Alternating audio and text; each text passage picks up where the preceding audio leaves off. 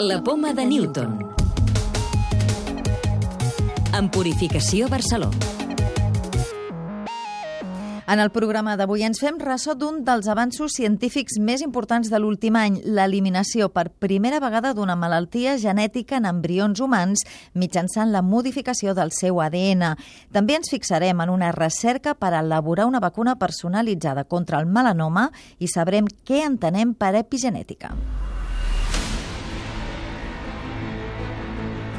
Científics dels Estats Units, la Xina i Corea són els que han aconseguit la fita de modificar per primera vegada l'ADN d'un embrió per evitar que el nadó naixés amb una malaltia genètica que en aquest cas el predisposava a la mort sobtada.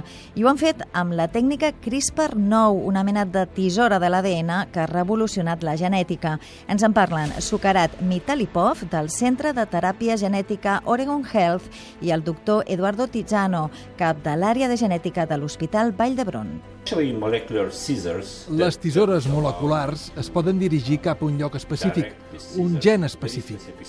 Aquestes tisores moleculars tallen on hi ha la mutació. Després, normalment, els embrions responen reparant aquest tall.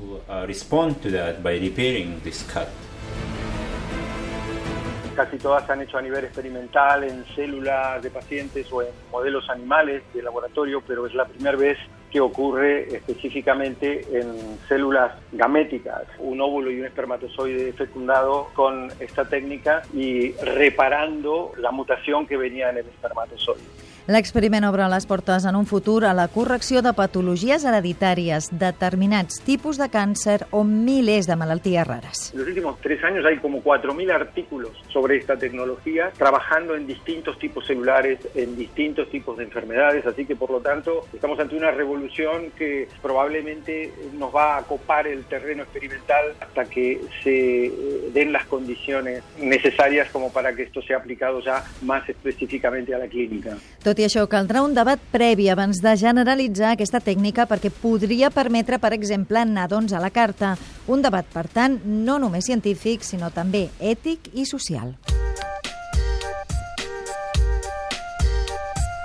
Una nova vacuna personalitzada aconsegueix eliminar les cèl·lules tumorals en els malalts de melanoma, el càncer de pell més agressiu. La investigació l'han feta investigadors dels Estats Units i també d'Alemanya. El doctor Josep Maria Piolats, expert en càncer de pell de l'Institut Català d'Oncologia, explica que la clau de les vacunes personalitzades són les mutacions genètiques de les cèl·lules tumorals. La mutació el que fa que sigui una proteïna nova del nostre cos. I aquesta proteïna nova, el nostre sistema immune la pot reconèixer com a no pròpia. Llavors, al reconèixer-la com a no pròpia, pot atacar totes les cèl·lules que estiguin fabricant aquesta proteïna, que en principi serien les cèl·lules del tumor.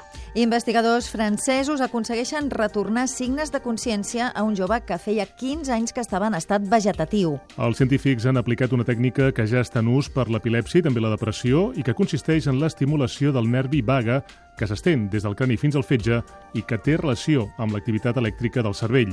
La recerca és important perquè demostra que no és cert que un cervell en estat vegetatiu durant més d'un any no es pugui recuperar com es pensava fins ara. Els tèrmits es relacionen socialment de forma similar a les abelles, tot i tenir orígens diferents. La clau es troba en l'evolució genètica de les dues espècies, segons conclou un estudi de l'Institut de Biologia Evolutiva IB. Aquests investigadors han seqüenciat per primer cop l'ADN d'aquests insectes. La clau de volta. Què és l'epigenètica? Ferran Azorín, director de l'Institut de Biologia Molecular de Barcelona, CSIC.